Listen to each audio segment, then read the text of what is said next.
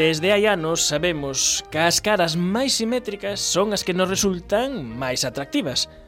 A natureza está inzada de formas xeométricas simétricas. A maioría dos animais pertencemos ao grupo Bilateria, o que quere dicir que o noso lado esquerdo do corpo é igual ao noso lado dereito. Nas fórmulas físicas tamén aparecen simetrías que fascinan pola súa beleza a quen se dedica a estudalas. Esta tarde en Efervesciencia contaremos coa raíña das simetrías, porque este é o único programa do mundo mundial que conta con liña directa co alén, onde moran as mentes máis privilexiadas da historia mentres os seus corpos crían malvas dous metros baixo terra.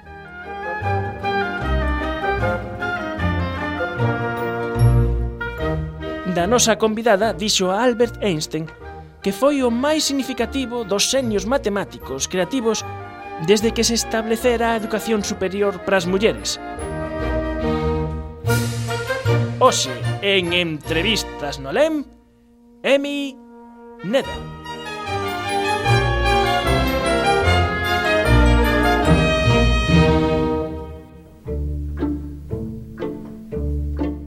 Hola, boas tardes. Estou encantada de estar aquí, pero non lle facas caso a esas cousas que di Albert.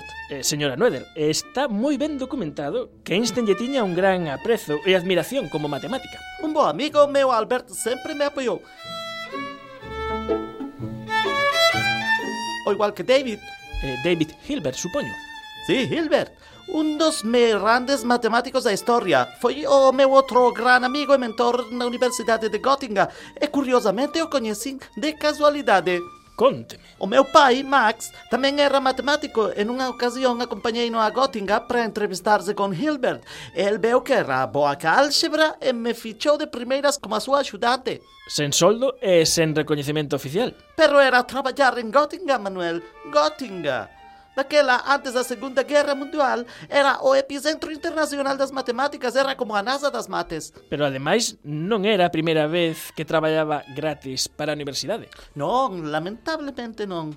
De cativa encantábanme os enredos matemáticos que me facían os colegas matemáticos do meu pai, tanto que quixen estudar matemáticas na Universidade de Erlangen a súa cidade natal. Sí, eh, e non me admitiron por ser muller, pero de todos os xeitos, asistín ás clases de ointe e eh, pola miña insistencia tiveron que acabar dándome o título.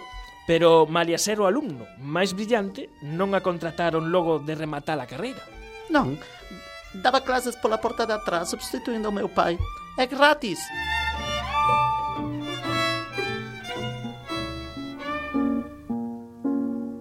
Gewiss, dort gibt es keine Szene, den Wald nicht von Vincennes.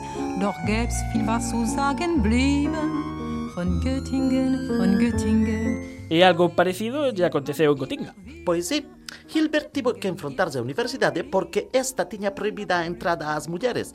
Eh, De feito, David lles espetou que esta norma non tiña ningún sentido, que a facultade non era o vestiario dunha piscina, onde estábamos todos ali, ala. Eh, bravo por Hilbert.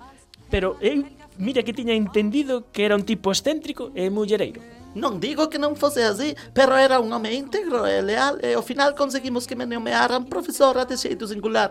Os da Facultade de Filosofía ainda pensaban que as mulleres revolucionábamos hormonalmente a universidade e tive que dar clases de incógnito en nome de Hilbert durante 4 anos. Cun salario ridículo. Sí, ridículo, pero eu daquela estaba totalmente absorbida polas matemáticas.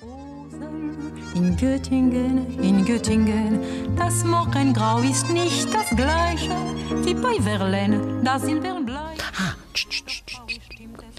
David contoume que estaba a traballar en segredo para un colega seu físico que tiña atrancos coa formulación matemática da súa teoría.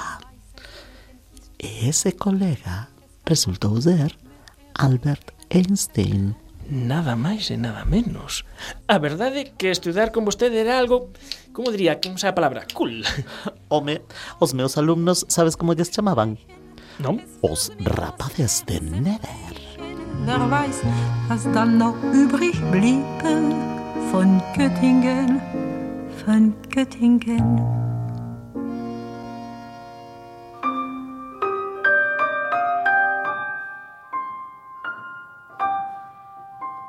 Emmy Neder naceu en 1872 en Erlangen, a Alemanha. Foi profesora de matemática en Erlangen, Gotinga e no Brian Mauer College, en Estados Unidos. É considerada a nai da álxebra moderna.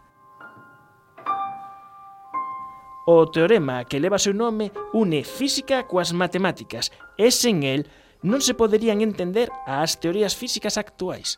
Está mal que o diga eu, pero é certo. En primeira instancia, o meu teorema axudou a Einstein a formular a teoría xeral da relatividade. E pode explicarnos en que consiste, de maneira que calquera poida entendelo. Como para a boa de Albert, a boa de Einstein, a vosa colaboradora estrela. Entón xa sabe de que vai o asunto, non hai nada que explicar. Sí, sí. A cousa ten que ver coa simetría. Música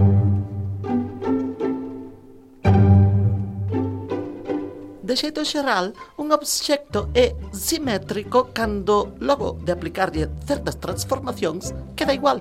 Un exemplo, por favor. Se xirás un catrado 90 grados en torno a un eixo perpendicular que pasa polo seu centro, seguimos vendo o mesmo cuadrado. Uh -huh. Se xiramos unha botella polo seu eixo de simetría, que vai polo medio do tapón ata o seu fondo, podemos facer calquera xiro que queiramos e non detectaríamos o cambio. Permanece invariante. Eh, ten que ser unha botella sen etiquetas nin eh, relevos. Claro, estamos a falar dunha botella matemática, ou seja, unha botella ideal.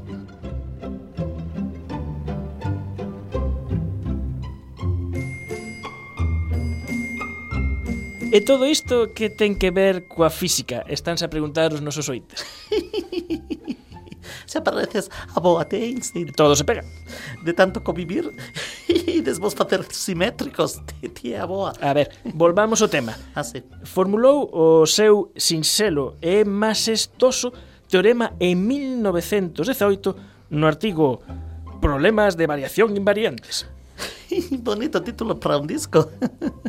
Simétrico, claro. Pois mire, temos a grabación do que dixo o seu colega Einstein.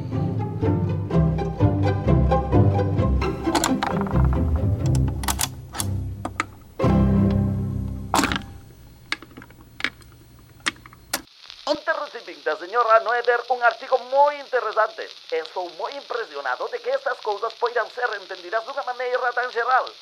¡Ah, bella carta de Gottinga! Debería tomar algunhas leccións da señora Nether.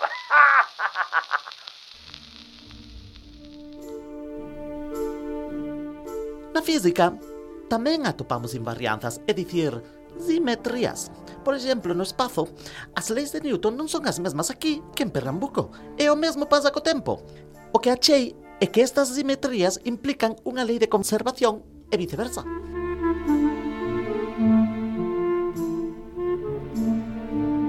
Supoñamos que a constante da gravitación universal diminuíra un 10%, atención, 10% todos os martes ao mediodía durante unha hora.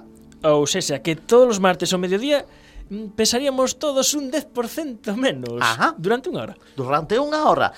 En ese caso, se eu tivese unha presa hidroeléctrica aproveitaría para bombear auga carra ao embalse durante esa hora. Na hora seguinte abrirías con e tería... Enerxía gratis.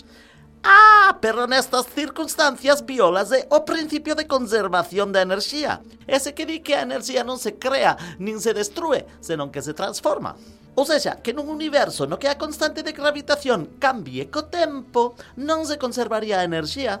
Mm. O meu teorema permite así aos físicos atopar que magnitude se conserva nun fenómeno cunha análise simple das ecuacións que o describen.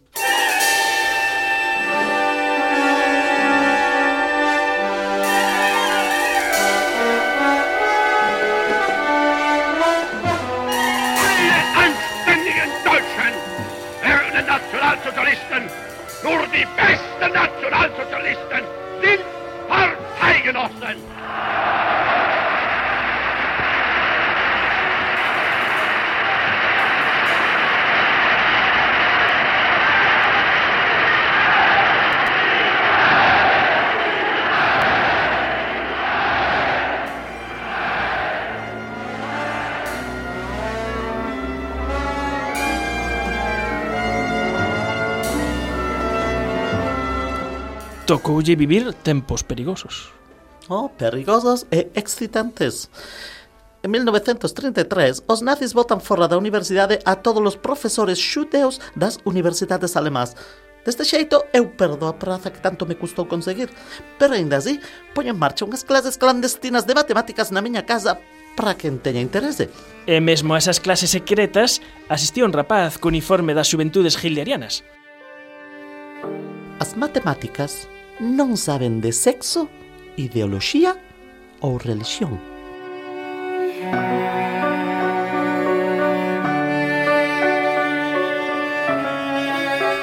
E non temeu pola súa vida.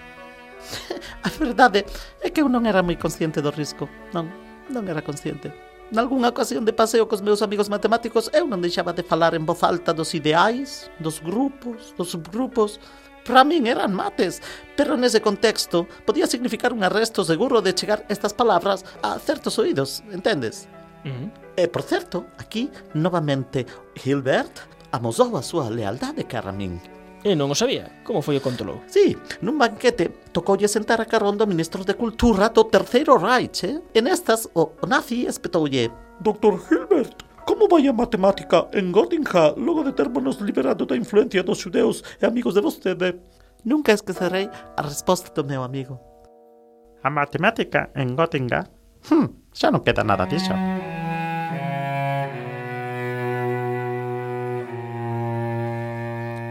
Parece mentira que o seu afán durante toda a súa vida por compartir xenerosamente os seus coñecementos contraste co trato pouco simétrico que recibiu na súa vida.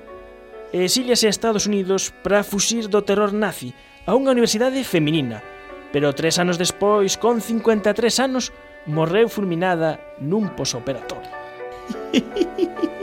Esa sí que foi unha boa simetría. Así, pum, de repente. Ai, Manuel. Así era Amy Nether, unha muller que non sabía queixarse, sempre cun sorriso maternal fronte a estudantes amigos. Transformou a discriminación e horror nun teorema que é unha das obras máis simples e profundas da historia intelectual da humanidade.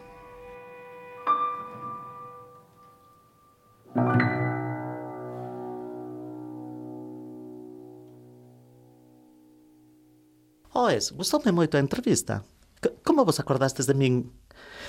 foi polo Doodle de Google. Eh, no, no, no, no, no, non se confunda. Xa sei que Google a puxo de moda, mm. pero o noso sabe o de antes. Ai, sí? Sí, quedamos namorados da súa historia cando ya limos a Edelstein, que é un físico ah. da Universidade de Santiago que sí, traballa... Sí, sí, sí, xa sei.